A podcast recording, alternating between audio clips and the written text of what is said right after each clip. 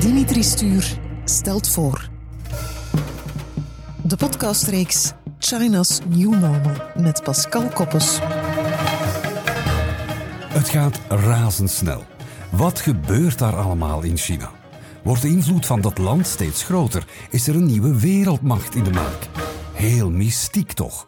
Als ik China hoor, denk ik aan Alibaba, camera's en robots. Voor het overige is het voor mij allemaal Chinees. En nee, we hebben het niet over Chinese draken. China's New Normal. In deze aflevering 5 maken we een balans op van het financiële gebeuren in China, als ook een blik op de verzekeringswereld, smart finance en insurance. Dag Pascal. Dag Dimitri. Geld en vertrouwen. Ja, het ligt wat moeilijk in China of lag wat moeilijk. Nochtans geld genoeg, want in jouw boek China's New Normal lees ik dat 1% van de Chinezen bijna een derde van alle weelde controleert. Dat zijn omgerekend 15 miljoen rijken die vooral niet vies zijn van investeringen. Maar het is toch ook wel een beetje een verhaal met vallen en opstaan, Pascal, want China heeft dan wel de, de bankencrisis van 2008 redelijk goed doorstaan.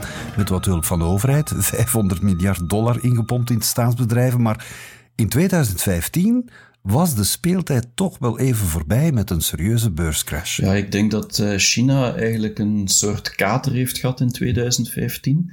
En, en dat heeft vooral te maken met alles wat daarvoor was. Hadden de Chinezen echt het gevoel van the sky is the limit. En, en heel veel mensen die, die veel geld verdiend hadden, omdat eigenlijk China enorm veel mogelijkheden creëerde in begin van deze eeuw, eind vorige eeuw, zijn er enorm veel miljonairs, miljardairs gekomen. Eh, ik denk dat er nu 700 miljardairs zijn in China.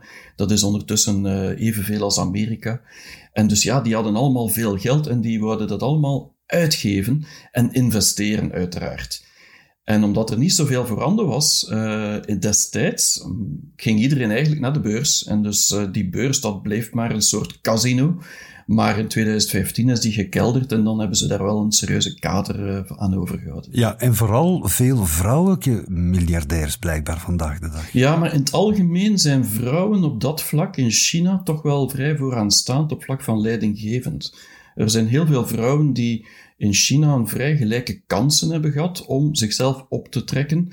En uh, de meeste miljardairs zijn ook self-made miljardairs in China. Dus echt van nul gestart. En heel veel van die mensen, zoals Jack Ma, die men kent, of Pony Ma van Tencent en anderen, zijn echt van nul gestart. En daar zitten heel veel vrouwen bij die eigenlijk dezelfde kansen hadden. En dat is toch wel merkwaardig. Nu, als we even terugkijken naar die, die beurscrash, nadien is het allemaal wel beter gegaan of beter geworden. Men is gaan professionaliseren en vooral natuurlijk weer met het gebruik van artificiële intelligentie. Bedrijven zoals uh, Alibaba en nog vele andere, zoals Ping die zijn eigenlijk diensten gaan leveren uh, op gebaseerd op data. En ze hebben dus eigenlijk gaan kijken uh, wat mensen uitgeven, wat er gebeurt in de financiële wereld. En dus op basis van artificiële intelligentie advies gaan leveren aan mensen die wouden investeren of sparen of iets, iets beleggen met hun geld. En dat betekent dat het niet meer een persoon was, zoals een bankier die advies gaf van je moet je geld daarin beleggen of daarin beleggen, maar dat die artificiële intelligentie uh, bedrijven, of zou ik zeggen platformen, dat die platformen in staat waren om veel beter advies te geven aan de klanten. En die klanten hadden meer vertrouwen in die technologie dan dat ze vertrouwen hadden in die bankier die ze toch nooit gekend hadden eigenlijk in het verleden. Mhm. Nu, dat, dat verhaal van de Chinese fintech, hè, finance, technology, uh, zijn er nog kenmerken die zoveel afwijken van wat wij kennen in, in het Westen? Fintech in het algemeen is, een, is vooral gebaseerd op het feit dat er heel veel geld in omloop is in mobiel betalen in China. En omdat er heel veel mensen mobiel betaalden, nog voor de crisis, dus ik spreek van 2016, 2017, 2018, heel veel mensen, uh, is het zo dat er heel veel transacties gekend waren en dat we, dat we eigenlijk bedrijven als Alibaba heel goed wisten wat de mensen deden met hun geld en hoe het eigenlijk van de ene naar de andere persoon ging, in welke omgeving. En dat is iets dat heel uniek aan China is, omdat de banken weinig zicht hadden over hoe de mensen hun geld aan het gebruiken waren. Omdat de meeste mensen hun geld niet bij de bank hadden staan destijds. Nu is dat wel een beetje veranderd, maar daardoor kreeg die fintech, die finance technology, een heel ander bestaan die vrij uniek is in China. Je zei het daarnet eigenlijk al, hè, digitaal betalen, mobiel betalen, 75% en misschien zelfs intussen meer van alle online transacties gebeuren in China via de smartphone. Dat kunnen wij ons niet voorstellen. Hè? Ja, zeker voor de pandemie konden wij ons dat niet voorstellen dat iedereen zou mobiel betalen, maar in China, als je in Shanghai rondloopt, ja, dat is Eigenlijk is het een cashloze maatschappij geworden, zeker in de grote steden. Iedereen betaalt enkel en alleen nog met zijn gsm. Het scannen van een QR-code om een betaling te doen of geld te ontvangen is het meest normale dat je hebt in China. En, en mensen nemen nooit cashgeld naar buiten meer uh, als ze gaan shoppen of iets anders doen. Uh, ze hebben ook geen creditcards meer. Ah, er zijn er, maar dat wordt bijna niet gebruikt. Uh, het is allemaal met de mobiele betaling, ja. Dat is de standaard. En gebeurt dat dan via systemen zoals uh, Tencent met WeChat onder deeltjes aan WePay bijvoorbeeld? Ja, dus je hebt twee grote. Je hebt dus Alibaba, Alibaba met Alipay en We, WePay van WeChat, dus van Tencent. Mhm. En die twee grote samen vormen bijna 94% van mobiel betaalverkeer in China. Dus die hebben een duopolie eigenlijk, waardoor dat de meeste bedrijven die willen data-inzichten hebben op vlak van payment zich ergens verankeren bij ofwel Alibaba ofwel bij, bij WeChat. Ja, en zij beschikken over een, ja, dat hebben we in de vorige aflevering al gehoord, hè, aan een overvloed aan data, um, waardoor ze waarschijnlijk ja, echt custom-made financiële producten heel makkelijk uh, kunnen slijten. Hè? Ja, ze kennen de user journey van de, van de consument door en door. Ze weten perfect wat hij doet. En dus kunnen ze ook veel gerichter eigenlijk die consument gaan helpen met advies en, en diensten en producten, die financiële producten die de klanten dan nodig heeft. Wat betekent dat je bepaalde diensten kan leveren die je bijvoorbeeld in België niet zou leveren omdat je er niet aan denkt dat die klant misschien met dat probleem of die vraag zit. Het is heel boeiend om, om te zien hoe verfijnd eigenlijk bepaalde diensten kunnen zijn. Ja, maar er is natuurlijk ook een beetje een, een weerzijde aan, een andere kant aan. Het risicoprofiel van klanten, dat heeft men ook goed in de mot, daardoor. Ja, men weet natuurlijk, als klanten niet kunnen een leningen terugbetalen, bijvoorbeeld. En, en dat is ook een heel nieuwe wereld voor ons. Maar in China is het vrij gewoon dat je bijvoorbeeld, als je een gsm koopt, dat je daar een verzekering bij neemt. Maar uh, als je plots je verzekering of je niet meer betaalt of iets niet meer betaalt, op een bepaald moment sluit men ook die gsm af.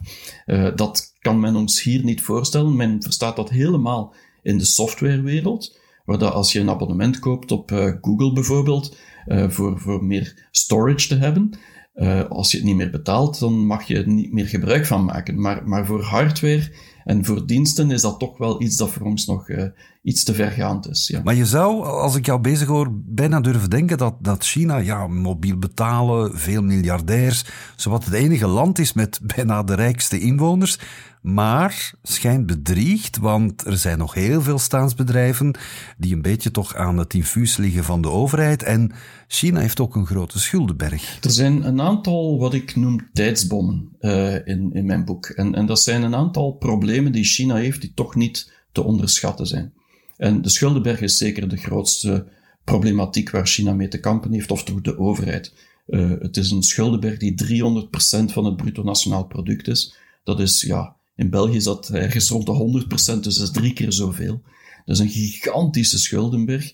Nu, er is wel één uh, noot dat, daar, dat je daarbij moet maken, is dat de meeste van die schulden wel interne schulden zijn. Zijn in schulden, schulden van de bevolking zelf aan de staat. En het is dus toch nog iets anders dan de schulden aan een ander land, maar toch, het is een, een gigantische risico. Mocht het ooit, uh, mochten ze moeten dat allemaal terugbetalen en dat de economie niet meer groeit, dan zouden ze het niet kunnen op dit moment. Dus dat is wel een groot probleem. Misschien zit er een kwijtschelding in van de overheid, de Chinese overheid aan de wel, Misschien wel, ja. En, uh, maar ook die staatsbedrijven is ook een interessant gegeven, omdat mhm. ja, die staatsbedrijven hebben eigenlijk China groot gemaakt destijds. En er zijn nog altijd hele grote staatsbedrijven. Denk maar aan de staalbedrijven of de chemiebedrijven, oliebedrijven, maar ook de banken en zo verder. Mhm. En die staatsbedrijven hebben behalve een economische rol die elk bedrijf heeft, hebben die ook een bepaalde sociale rol te spelen. En, en daardoor gaan ze natuurlijk heel gemakkelijk geld kunnen lenen van de overheid, omdat het goed is voor het, de gemeenschap, goed voor het land, goed voor de Chinees. Maar daardoor gaan ze ook vaak verkeerde beslissingen nemen en dat is dan een bubbel die echt wel uh, belangrijk is dat we die in de gaten houden. Ja, maar niet iedereen heeft natuurlijk kunnen meesurfen ook op die economische boom daar in China. Met andere woorden, de inkomensongelijkheid die blijft alsmaar stijgen ook daar. Hè? Die, die is zeker nog aan het stijgen. En, en dat is toch wel de grootste bezorgdheid die men moet hebben als het over China gaat. Uh, ik denk dat de uh, Li Keqiang, de vice-president, heeft onlangs gezegd, ik denk een paar maanden, was zes maanden geleden of zoiets, heeft hij gezegd dat er nog 600 miljoen mensen zijn in China die met minder dan 150 euro per maand uh, het moeten stellen. En, en, dus als je dat dan vergelijkt met die 15 miljoen uh, miljardairs of mensen die heel veel geld hebben, uh, dat, ja, dat is een enorm verschil. Dus uh, ja, er zijn nog heel veel mensen die toch wel van maand op maand leven. En ja, 600 miljoen, dat is bijna de bevolking van, van Europa. Dus dat is, dat is niet klein. Nee. nee, dat zal niet. Nu, China is ook de leider van online leningen. Uh, dankzij, je liet het daar net al ontvallen, WePay, Alipay. Uh, het lijkt wel een lenersparadijs daar, met uh, zogenaamde peer-to-peer leningen. Ja, peer-to-peer is, is vooral een aantal jaar, vijf jaar geleden, enorm wildgroei gekend, heeft de wildgroei gekend. En dat heeft voornamelijk te maken met het feit dat je op de bank uh, als je geld spaarde op de bank, dat je niet zoveel interest kreeg. Dat ging over 2, 3 procent interest. Dus ja, dat was niet zo interessant. Terwijl de economie aan het groeien was aan 7, 8 procent destijds nog. En dus ja, voor vele mensen die geld wilden uitlenen, dachten die van ja, uh, wij kunnen eigenlijk uh, dit op een andere, met andere rentes gaan doen. En mensen die hun geld wilden, wilden hebben, die konden dan eigenlijk gemakkelijker lenen. Dus er was een, een, een soort tweede markt ontstaan naast de banken van peer-to-peer lening, waarbij dat je veel hogere rentes kon, of veel hogere interesten zou ik zeggen, kunt krijgen uh, als je rechtstreeks gaat gaan lenen bij iemand die geld heeft. Ik kijk eens even naar de zakenwereld. Um, ja, wij, Pascal, hoef het niet te zeggen aan jou, maar ik kan het toch doen. Wij klagen hier steen en been over een hoop paparassenwerk bij het zaken doen. Onze boekhouding, formulieren, overheid, regels, whatever. Maar in China zou ik kunnen zeggen, kan de pret niet op, hè, want China's financiële sector is wel behoorlijk befaamd voor zijn slechte dienstverlening en bureaucratische processen. Ja, zeker als je bij de, bij de banken of de, de belastingen gaat of de, de tax offices, uh, dan, dan is het een enorme bureaucratie. Uh, het is al veel verbeterd, uh, want natuurlijk, ik spreek van vier, vijf jaar geleden. Als je vandaag kijkt, dan zie je dat ook die bureaucratie grotendeels gedigitaliseerd is. En, en dat bedrijven zoals WeChat en zo ook die bureaucratische verhandeling eigenlijk zelf gaan oplossen zijn op een digitale manier. Maar desalniettemin heb je nog altijd heel veel tijd nodig in China om door die hele bureaucratie te gaan, zeker als het te maken heeft met alles wat met de staat te maken heeft. Dus dat is niet zo gezellig, nee. Nee, maar dat is toch wel een beetje contradictorisch, hè, met de, de, ja, de, de hoge snelheidstrein van digitalisatie. Je zou verwachten het is daar uh, ongelooflijk efficiënt. Ja, maar het is ook daarom dat, dat de consument zo vlug overstapt naar de privéwereld. En dus eigenlijk gaat gaan zoeken naar die Tencents en die Alibaba's, die dan wel die diensten op een zeer efficiënte manier kunnen leveren. En dat heeft te maken met het feit dat ja, dat bureaucratisch apparaat, laten we niet vergeten, dat bestaat al 2500 jaar in China. Dus om dat om te vormen, dat is niet zo gemakkelijk. Een bedrijf als Alibaba, ja, dat is zoals Amazon, die kunnen dat van nul heropstarten. Dus consumenten gaan heel vlug daar naartoe gaan, omdat de rest heel log is. Laten we eens even, het eens even hebben, Pascal, over de, de verzekeringssector. Uh, Ping An Insurance, ik had er nog nooit van gehoord, maar is blijkbaar de grootste verzekeraar ter wereld. Ja, het is de meest uh, onbekende, bekendste verzekeraar. Het is een, het is een verzekeraar die ja, bijna 1 miljoen um, employees, dus uh, werknemers en agenten heeft.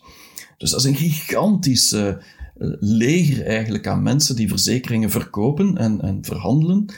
Maar weinig mensen kennen Ping An. Nu, Ping An is een, is een, een ongelooflijk gedigitaliseerd bedrijf ondertussen. Het grootste ecosysteem in de, in de verzekeringswereld, uh, omdat die het perfect doorgehad hebben, vijf jaar geleden, hoe dat je eigenlijk verzekeringen kunt combineren met technologie. En dat je dus perfect een platform kunt bouwen waarbij dat technologie de enabler is van eigenlijk de diensten die ze moeten leveren. Er valt ook wel wat merkwaardigs te vertellen over een bedrijf, Zongang. Klinkt eh, heel muzikaal, vind ik. Uh, een toch wel digitale nieuwkomer, hè, die Zongang. Ja, Zongang is, is eigenlijk een, een investering van Ping An, eh, de verzekeraar, maar ook van Alibaba en Tencent, die alle drie, de, de oprichters van alle drie, hebben eigenlijk geld gestoken in een nieuwe verzekeraar die noemt Zhong'an. En Zhong'an is eigenlijk een, de eerste online verzekeraar in China, de eerste digitale verzekeraar. Dat betekent dat ze maar 5% van hun personeel zijn verkopers. Waar het meestal 50% van het personeel is, die verkopers is in deze sector, is dan maar 5%. En alle rest zijn eigenlijk ingenieurs die achter een computer programma's zitten te bouwen om betere diensten te leveren aan de consumenten. En wat Zong'an zo uniek maakt, is dat zij vooral gezocht hebben naar eigenlijk de diensten of de verzekeringen die andere verzekeraars niet wouden leveren. En, en er zijn heel veel, uh, zou ik zeggen, kleine lettertjes in contracten waar verzekeraars zich willen uitmuizen als je onder die regel valt. En Pingan uh, Zongan die zei van ja, daar kunnen wij eigenlijk wel verzekeraar voor zijn. En wij gaan gebruik maken van data en artificiële intelligentie om te kijken hoe dat we dat risico beter kunnen inschatten. En zo zijn zij enorm gegroeid, maar vooral omdat ze hun diensten geleverd hebben aan al die grote ecosystemen zoals Alibaba, zoals Ping An, zoals Tencent en anderen. Ik, ik zat mij even te bedenken, als je nu heel graag wat centjes wil investeren in China, je wil een bedrijf opstarten in China, kan je dat makkelijk als iemand uit het Westen of moet je dan toch wel andere dingen bovenhalen, zeg maar. Ja, het is heel moeilijk als Westerling om in China geld uh, te, te lenen of te krijgen. Uh, maar als Chinees is het geen probleem. Als, als Westerling moet je dus wel wat andere dingen kunnen bovenhalen dan uh, puur ik heb iets en ik wil op deze markt actief gaan zijn. Ja, staat men ervoor open eigenlijk? Of zegt men hmm, liever niet? Nee, ik, ik, ik denk, alleen mijn ervaring is altijd heel positief geweest het, het feit dat, dat de Westerling eigenlijk met nieuwe technologie vooral, of nieuwe ideeën en nieuwe concepten naar China komt, daar staat men heel open voor. Maar natuurlijk, de uitdaging is, hoe kun je die consument bereiken? Of hoe kun je die klant bereiken? En als Westers bedrijf heb je eigenlijk een beetje achterstand omdat je die cultuur en, dat mechanisme van die markt niet goed kent. Ja, maar eh, staat de Chinees dan niet open voor het exotische dan? De andere kant van de wereld, het Westen? Dat is heel lang zo geweest, omdat wij altijd stonden voor kwaliteit en, en zekerheid en, en eigenlijk perfectie en efficiëntie en, en, en strategie en al die dingen waar wij eigenlijk uh, de mond vol van hebben, maar ook sterke merken. Uh, vandaag de dag zie je dat China eigenlijk even sterke merken heeft Even goede producten, trouwens, al onze producten in het Westen worden bijna in China gebouwd. Uh, ze zijn de beste leveraars van, van diensten geworden, omdat ze veel digitaler die diensten leveren, zeker in de financiële wereld. En dus de Chinees heeft zoiets van, ja, vijf of tien jaar geleden, dan zouden we het nog wel voor het Westen opgenomen hebben, omdat die duidelijk het verschil maakten. Vandaag de dag moet je dat echt wel al in bepaalde niche-markten gaan zoeken, of in hoogtechnologische uh, markten, zoals in microelektronica bijvoorbeeld. Ja, je komt vanzelf, denk ik, in dat land in een, ja, wat men heet, hè, Red Ocean, een rode oceaan terecht. Hè? Ja, het is, een, het is een land waar je moet gaan vechten tegen al die Chinezen die allemaal dezelfde klanten uh, willen uh, inpalmen. En dus ja, dat is elke Chinees die zoekt naar die rode oceaan, dat betekent een markt met heel veel geld, heel veel consumenten, heel veel klanten, heel veel opportuniteiten. En, en China is het land van de opportuniteiten. Ik heb dat ook altijd zelf zo aangevoeld. Je hebt het gevoel dat er een oneindig aantal opportuniteiten zijn. Maar het probleem is, er zijn ook oneindig aantal uitdagingen in China. En dus om die opportuniteiten te, in te winnen, moet je voorbij al die heuvels, en dat is absoluut niet gemakkelijk. En de Chinese heuvels kunnen stijl zijn, figuurlijk ook, hè, denk ik. Um, kun je nu stellen, als je even kijkt naar de fintech-wereld, eh, de Chinese fintech-bedrijven, uh, dat dat ja, een bedreiging is voor de traditionele banken toch wel? Ik denk dat, en dat hebben we met Ant Financial heel duidelijk gezien uh, vorig jaar in, in, november, toen zij naar de beurs zouden gaan en dat dat tegengehouden werd door de overheid dat, ja, dat Ant Financial gewoon eigenlijk al de banken voorbijgestoken had. En een heel nieuw model, concept had bedacht, waar dat zij eigenlijk de nieuwe regelgeving van de financiële wereld van morgen zouden bepalen. En de Chinese overheid heeft daar een halt aan geroepen, om, omdat ze schrik hadden dat Ant te machtig ging worden En eigenlijk hebben ze wel een punt uh, dat technologie misschien belangrijker wordt dan regelgeving. Maar dat laat ik tussen Xi Jinping en Jack Ma, die discussie. Maar het is inderdaad een, een, een ik denk dat op dit moment de fintech-wereld in China duidelijk heeft aangetoond dat ze een alternatief voor de banken kunnen vormen. Ja, en zie je die evolutie ook, uh, ja, zeg maar, overgaan naar ons, naar, naar het Westen doorzinderen? Dat gaat zeker naar het Westen komen. En je ziet dat ook al met heel veel neobanken en, en nieuwe vormen van bankstructuren die aan het op, opgezet worden. Maar ook de traditionele banken die alsmaar meer fintech-producten en, en start-ups aan het opkopen zijn. Om ook daarvan, daaraan deel te nemen. Je, je voelt dat er een transformatie aan, aan de gang is. Het grote verschil met China is dat het in China meer een disruptie was, omdat de banken de, de Chinese banken zo archaïs waren dat het niet moeilijk was om te gaan vernieuwen in China. En dat dus eigenlijk die nieuwe diensten uh, de norm geworden waren, de standaard geworden waren, waardoor dat de technologiebedrijven onderling aan het, aan het concurreren waren, eerder dan de banken met de fintechbedrijven. En bij ons heb je meer die concurrentie tussen bank en fintech. En nu met de crisis natuurlijk zijn de banken iets versterkt terug. Uh, en moeten de fintech zichzelf terug uh, naar boven werken. Het is duidelijk dat we het financiële verhaal van China best blijven in het oog houden. Ook in het belang van het Westen, denk ik. Pascal, smart mobility, daar hebben we het in de volgende podcast over. En eigenlijk moet ik zeggen slimme steden. Slimme steden met slimme mobiliteit. Niet zomaar een luxe natuurlijk, wel uit noodzaak. Als je denkt aan het aantal inwoners alleen al. Met een indrukwekkend netwerk aan hoge snelheidstreinen. Grote transitie naar autonome elektrische deelwagens. En we bekijken ook hoe Chinese bedrijven impact zullen hebben op de mobiliteit in de rest van de wereld. Want de acquisitie van Volvo door het Chinese bedrijf Geely, Pascal, is daar een voorbeeld van. Hè? Geely is een van de mooiste voorbeelden, ook om te zien hoe een mooie acquisitie kan gebeuren tussen West en Oost. Uh, waar dat eigenlijk de volledige vrijheid wordt behouden voor al de ingenieurs van Volvo in Zweden om verdere innovaties uit te werken. En dan de markt van China wordt gebruikt inderdaad om uh, te tonen van kijk, dit is een groeiend merk en een, een vooruitstrevend visionair merk. Een onderwerp dat uh, ons honger gemaakt naar meer smart mobility. Een thema dat op wieltjes loopt in aflevering 6.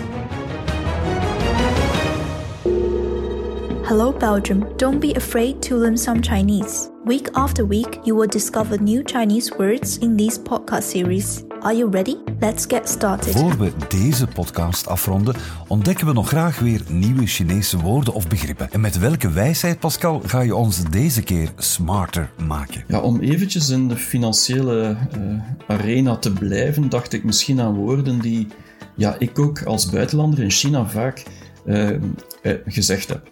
En, en een ervan die je als buitenlander, als je toekomt en je wilt iets kopen, je zeker, twee woorden die je zeker altijd moet kennen.